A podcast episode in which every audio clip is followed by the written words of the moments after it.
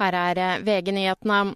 USAs president Joe Biden støtter Nederlands statsminister Mark Rutte som Natos neste generalsekretær. Det sier en amerikansk tjenesteperson ifølge Politico. Hvis opplysningene stemmer, vil trolig Bidens støtte få flere Nato-medlemmer på glid. I går meldte Politico at to tredeler av Natos medlemmer støtter Ruttes nominasjon. Sittende Nato-sjef Jens Stoltenbergs periode utløper i oktober. Målet er at Nato skal ha utpekt en ny leder før Nato-toppmøtet i Washington i juli. Reporter Frode Sti.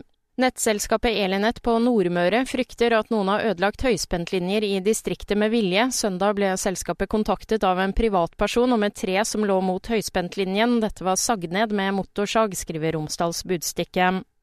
For andre natt på rad har politiet i Trondheim pågrepet personer med våpen i byen. Politiet stanset en bil etter melding om innbrudd på Ranheim, og det ble funnet en gasspistol og innbruddsverktøy i bilen. Tre personer er pågrepet. Viaplay tapte 9,7 milliarder svenske kroner i fjor. Det viser den ferske kvartalsrapporten fra det kriserammede TV- og strømmeselskapet. Bare i fjerde kvartal tapte selskapet 2,9 milliarder. I studio Kristin Strand, nyhetene får du alltid på VG.